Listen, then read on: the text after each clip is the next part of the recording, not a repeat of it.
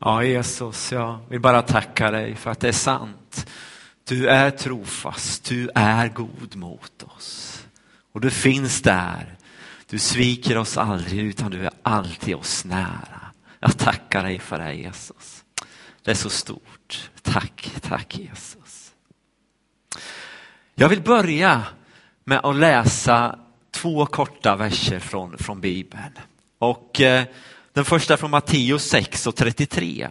Det handlar om att sök först Guds rike och hans rättfärdighet så ska ni få allt det andra också. Och sen är det från psalm 42 och 2. Som hjorten längtar till vattenbäckar så längtar min själ efter dig, och Gud. De här två verserna handlar ju om att söka Gud, att vara honom nära, söka Guds rike, söka Jesus, komma nära honom, få förstå lite mer vem han är. Hur god han, hur trofast han är. Och, och det är det som är viktigt kan jag känna. Men jag vill börja med att ta med er vi som familj har under många, många år rest upp till fjällen och åkt skidor. Vi, vi älskar, vi tycker om det och göra det. Åka utför, åka slalom. Vissa tycker att med bräda är kul. Jag har provat det en gång för många, många år sedan. Men nej, fötterna satt ju ihop det var inget för mig kände jag. Nej, men just att få komma ut i, i fjällvärlden och njuta av naturen och bara få finnas med där och åka skidor. Och, ja, ibland är det fint väder, ibland är det snöstorm. Vi har också upplevt regn, men, men så är det. Men för några år sedan, ganska många år sedan faktiskt, så, så satt jag i liften, i en sittlift och man sitter en bit över backen och eh, så satt jag och tittade på de här träden. Ja, det var ett konstigt träd. Det var flera i och för sig, men det var ett speciellt ett träd som jag fastnade vid för.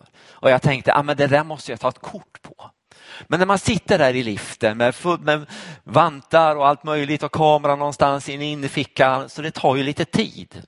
Men vi åkte några gånger där och, eh, till slut så fick jag med vantarna och fram med kameran och så parera in det här med alla vajrar och stolpar och allting. Så, så ja, jag tyckte jag fick till en, en, en vettig bild där till slut. Och eh, ja, här har jag fått med en, en, bild utifrån vad jag såg. Det var det där trädet som ser lite roligt ut. Det är ju en gran, men eh, det är inte en riktig gran som vi tänker oss. Om vi tar nästa bild så ser vi, det är ju så här en gran ska se ut. Ska se, vara rak, fin, mycket grenar. Det är så man tänker sig en gran. Men om vi går tillbaka till den där första bilden, den där, ja, han är ju inte en gran alltså. Det är ju, han är sne och vin och det är grenar som saknas och alltihopa. Men då talade Gud till mig när jag såg den där granen. Och så sa han, så här är många människors liv.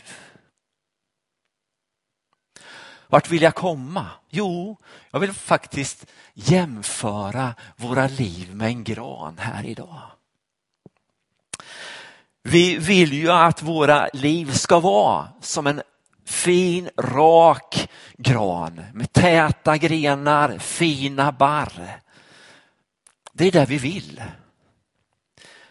Och det är ju det vi drömmer om som, som, som människor. Att vi ska vara de där människorna som lyckas bra, karriären spikrak upp. Att människor säger, ah, det här gjorde du bra, vad duktig du är, vad fin du är och så vidare. Men istället så ser faktiskt våra liv mer ut som den här granen. Som är förvriden, där grenarna är trasiga, toppen är borta. Där för det mesta så ser våra liv ut så här istället. Vi kan under livet kan vi ha mött vindar och stormar och hagel, orkan. Den där tunga snön som lägger sig på grenarna och så fryser det och så blir det, börjar det blåsa och grenarna går av. Toppen, ja den går av den också. Och så försöker granen få växa till och hitta någon, någon, gra, någon topp och sen går den av och sen, ja, ser bedrövlig ut rent ut sagt.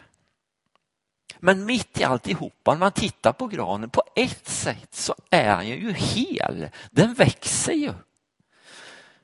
På vissa ställen kanske kådan har blött igenom och har stelnat, den har läkt på något sätt. Vi är ingen skönhet, nej nej. Men vad är det som kan ha hänt? Ja, det är bara du och jag som vet vad som har hänt i våra liv. Det kan vara, det kan vara sjukdom. Det kan vara alla krav som läggs på oss. Det kan vara stress. Det kan vara att jag orkar inte gå till jobbet på grund av olika omständigheter. Det kan vara psykisk ohälsa. Det kan vara mobbing, det kan vara arbetslöshet. Ja, det kan vara så många olika saker. Man kan känna sig misslyckad. Där hemma skriker man kanske på sina barn eller på frun eller vad det nu är. Och man jämför sig med andra. Det kan vara skilsmässa. Det kan vara dödsfall.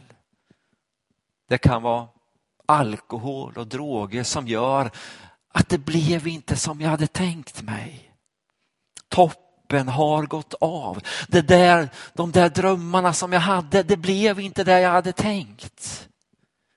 Det där var som jag är, det, på något sätt så har det slagit sönder. Det är som en katastrof som har inträffat. Vad är jag egentligen? Inget eller? Men Jesus ser dig och mig som fullkomliga, som vackra. Förstår du? Jesus ser dig som fullkomlig. Han ser inte det där trasiga som du och jag ser. Han ser att du är en skönhet, för han har skapat dig. Det här är viktigt att kunna förstå och ta in det här, att du är så ljuvlig och underbar. Vissa lider av sjukdom under många år. Och vissa andra känns det som att ja, livet bara tickar på. Är det rättvist? Nej, det kanske inte är. 1988 så gifte vi oss, Anneli och jag. Och jag visste inte om mamma som var 52 år om hon skulle överleva den dagen. Jag visste faktiskt inte det. Hon hade varit sjuk under många år och, ja, nästan så länge jag kunde minnas. Det var hjärtfel, det var hjärtflimmer och kärlkramp och sen kom immunförsvaret som försvagades och sen massor med konstiga sjukdomar. Och till slut så fick hon cancer och så dog hon 09. Varför? Varför? Varför? Ja, det finns inga svar. Man skulle kunna analysera och analysera men eh, nej, visst funderar man. Men jag stannade inte vid det utan jag gick vidare. Men mamma, hon var känd, skulle jag vilja säga, i den andliga världen. Hon var en bönemänniska. Hon var en profet. Och eh, hon var älskad av många. Gud använder vem han vill och den som vill bli använd, som vill vara ett redskap, den använder han. Och det är så skönt att se och veta det. Som sagt, vad som jag sa, vissa lever länge och har nästan inga sjukdomar och andra har det så prövosamt på olika sätt. Rättvist? Nej, det är det ju inte såklart. Men vi brukar säga Gud är god. Och det är faktiskt sant och det är viktigt. Man skulle kunna sitta titta och analysera. Varför får jag uppleva det här? Varför är det så här? Varför drabbar det här mig? Som jag skulle kunna gjort angående mamma där. Varför? Det är inte rättvist. Men då skulle jag vilja säga, tänk istället, jag vet inte varför, men jag vill gå vidare och ta lärdom av det här som är. För sitter jag där och analyserar så är det väldigt lätt att fastna där. Jag vet att det är jättelätt att stå här och säga de här sakerna. Men det är svårt, jag förstår. Men ändå så vill jag på något sätt uppmuntra dig att försöka se lite längre bort än just här och nu. Jesus han vill ju inte oss något illa utan han har ju omsorg. Det står i eh, första Petrus brev eh, 5 och 7. Kasta alla era bekymmer på honom ty han sörjer för er. Han har omsorg och han vill ju inte dig något ont. Han vill ju inte att det ska gå dåligt för dig. Nej, han vill vara med dig. Sen händer det saker som vi inte förstår och det får vi lämna faktiskt bakom oss och gå vidare och veta att Gud finns vid din sida. Kanske, kanske, kanske du kan använda den här erfarenheten som du har varit med om för att hjälpa någon annan. Fundera på det. Livet är så här skulle jag vilja säga utifrån granen. Endast du vet hur du har det. Endast du vet vad du har gått igenom. Endast du vet vad som har hänt. Hur mycket ditt hjärta har skrikit och gråtit. Men Jesus, han finns där för dig och vill trösta och vill hjälpa dig. Var med dig i din situation. Du kanske har mött honom redan och fått den här kramen om honom ibland. Livet blir inte pang bom bra. Nej, det är inte det jag menar. Men han finns där och vill trösta och hjälpa. Du kanske är där som inte har fått tag i det här än. Så skulle jag vilja bara säga Jesus finns för dig. Han vill hjälpa dig i din situation där du är. I din brustenhet, i det svåra som du finns i. Du kan enkelt bara säga Jesus, här är jag. Hjälp mig. Du kan be den bönen precis nu. Antingen högt eller också inom dig. Jesus, här är jag. Hjälp mig. Var med mig. Det behövs inte mera. Han hör på den bönen för han älskar dig så oerhört mycket. Livet i vårt samhälle säger att är du lycklig, ja, då, då har du lyckats bra med din karriär, med, med, med allt vad det nu innebär. Ett långt liv, inga sjukdomar eller någonting då är du lycklig. Då har du kommit fram till det där optimala. Det är vad samhället säger, då är du lycklig. Men är du sjuk, då kan du inte vara lycklig. Då är du en parasit istället som är, är någonting negativt för, för, för samhället. Men Bibeln säger något helt annat. Kom ihåg det. Livet kan vara kort men det är ändå ett helt liv. Man kan vara sjuk men ändå så är du oerhört viktig, betydelsefull. Det är det som är kanske är lycka.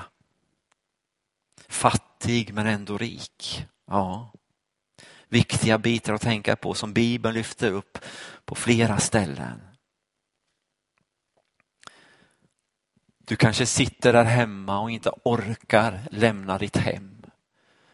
Men du sitter där och du ber Kanske för församlingen, för samhället, för människor som du tänker på. Att förbönens betydelse, det är så oerhört viktig. Och jag vet att du sitter där. Jag vill bara uppmuntra dig att fortsätta att göra det här. Det där som ingen ser. När du kanske har svårt att sova, då ligger du och ber för församlingen. Tänk vilken uppgift du har. Eller be för människor i samhället. Tänk så viktigt. Vi värderar bara det som vi, så vi ser. Men Gud ser på ett helt annat sätt. Poängen med det här jag har sagt, det är att du är älskad, du är vacker. Det är det Jesus säger till dig. Du är värdefull och du är viktig. Oavsett din situation, var du är någonstans. Men i det här så är det också viktigt att hålla oss nära Jesus. Precis som de orden som jag börjar med att läsa. Sök Guds rike först. Som hjorten längtar efter vatten så längtar min själ efter dig och Gud. Och Det står också i Jakobs eh, brev 4.8. Närma er Gud så ska han närma sig er. Tänk så viktigt. Det är det som det handlar om. Jag vill bara lite kort ta med er till en annan bild. Nu lämnar vi granen, nu tar vi en annan bild och det är, hade jag någon kruka så skulle jag ställa den här på bordet. En fin vacker kruka, men som av misstag så åker den ner i golvet. Och det är tusen bitar kanske inte blir, men många bitar. Och så försöker man plocka ihop de här bitarna och så har man något superlim och så försöker man limma ihop den här och den ser ganska bedrövlig ut och det kanske är bitar som saknas, som, som det funkar inte. Ditt och, liv kan, ditt och mitt liv kan jämföras med den här krukan, skulle jag vilja säga. I vår trasighet så syns ljuset bättre. Skulle man sätta in ett värmeljus i den första krukan när den var hel, ja, då skulle man inte se ljuset. Men sätter man in ett ljus i, i när, när, man har lagat den där krukan, när den har gått sönder så lagar man den, så sätter man ett ljus där, då så sipprar ljuset ut. I vår trasighet syns ljuset bättre. Sprickorna är Guds möjlighet. Och så kan man säga också, det är genom de största sprickorna som Gud lyser mest. Vi brukar säga att Jesus bor i oss och hans ljus ska lysa ut bland människor. Och i det här trasiga så syns han ännu mera. Det står i andra Korinthierbrevet 4.67. Eh, Gud sa Ljus ska lysa ur mörkret. Han har lyst upp våra hjärtan för att kunskapen om Guds härlighet som strålar från Kristi ansikte ska sprida sitt ljus. Denna skatt har vi i lerkärl för att den väldiga kraften ska vara Guds och inte komma från oss. Här får vi sprida Guds ljus utifrån det vi har varit med om. Det där som är så jobbigt som kan faktiskt på något sätt vändas för att det ska, Guds ljus ska spridas ut. Det som ingenting var, det utvalde Gud. Wow, vilket, vilket Guds rike vi tillhör. Ja, Jesus räknar med dig och du är viktig och värdefull. Det finns ett bibelord som jag vill ta med här också som har snurrat den sista månaden. Och det är från Matteus 9.36. Det står det så här. När han såg människorna fylldes han av medlidande med dem. För de var illa medfarna och hjälplösa som får utan herde. Det är ett sånt där bibelord som är så, ja det säger så mycket tycker jag. Han såg människorna och han fylldes av medlidande. Han såg dem, han såg det som fanns bakom masken som vi människor har. Han såg vad som var bakom där. Och eh, när han ser människorna så gråter han över dem. För de har det svårt, de har det jobbigt, de lider på olika sätt. dessa människor behöver Jesus. Jag såg en liten filmsnutt här, måste ju varit i veckan här, om det var Youtube eller Facebook, jag vet inte. vilket fall som helst så var det en björn som hade fastnat i en hink, alltså huvudet hade fastnat i en hink. Och nu var det här, det var ingen sån där Bamsebjörn utan det var någon, jag vet inte om det var en björnunge eller om det var någon, ah, jag har ingen pejl på det, men den var mindre. Kanske var en annan sort, jag vet inte. Men vilket fall som helst, där sprang den där björnen med hinken i, för, för ansiktet. Han sprang omkring, sprang omkring där och stötte på det ena efter det andra. Och då var det någon man som hade sett den där björnen springa omkring där. Och så tänkte den där mannen, jag måste ju hjälpa den där björnen. För den, den kommer ju dö. Den kommer ju svälta ihjäl. Så att eh, den där mannen försökte närma sig den där björnen och försökte få tag i den där hinken och dra bort den där hinken. Men hinken satt ju stenhårt och, och så fort björnen märkte att vad är det som händer så fick den ju panik och började springa ännu mera. Och där höll de på ett tag. Och han fick tag i den där hinken flera gånger den där mannen men den satt stenhårt. Men han gav inte upp utan han fortsatte. Och så han förstod att jag måste hitta några fler som kan hjälpa mig och, med, med björnen. Och björnen sprang in i skogen och när jag såg så, så hade de på något sätt fått tag i björnen och ja, höll fast den. Och så försökte de dra av den där hinken, det gick inte. Till slut så försökte de klippa upp den där plasthinken, men de, jag vet inte vad, om det var plåtsax eller vad det var. Och till slut så, så, så kom de närmre nosen och ansiktet där och så satte de in handen, gjorde han där, satte in handen och så hade någon, någon metallsågblad så han försökte såga upp pinken där och handen där för att skydda så han inte skulle skada eh, björnen. Och de bände och hade sig och till slut så fick de av den där hinken och så ställer sig björnen upp och säger tack och hej. Och så sprang han. Nej, det gjorde han inte. Men han sprang in i skogen direkt.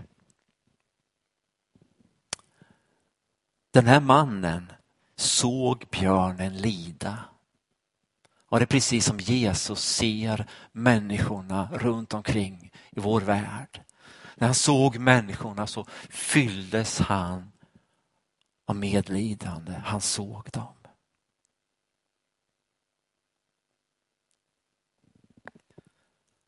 Och här känner jag Jesus, hur ser jag på mina människor, medmänniskor som jag har omkring mig? Den här mannen, han gick in för stenhårt. Jag måste hjälpa den här björnen. Om man går tillbaka till den bilden. I allt detta. Jag har fått så mycket. Jag har fått hjälp. Jag har fått så mycket av Gud under mitt liv. Och vissa människor vet inte att de finns ens en gång. De är där, lever i trasigheten, i den här misären, misslyckanden, hopplösheten. Men Jesus har kommit med hopp och liv. Och min bön är, helige ande kom, jag behöver dig. Jag har gått igenom vissa saker. Ja visst, det har vi gjort allihopa. Jag har vi pratat om här. Men han vill använda dig i din situation. Och jag vill bara utmana dig i det uppdrag som vi har fått. Jesus, kom oss nära och se det du vill att vi ska se.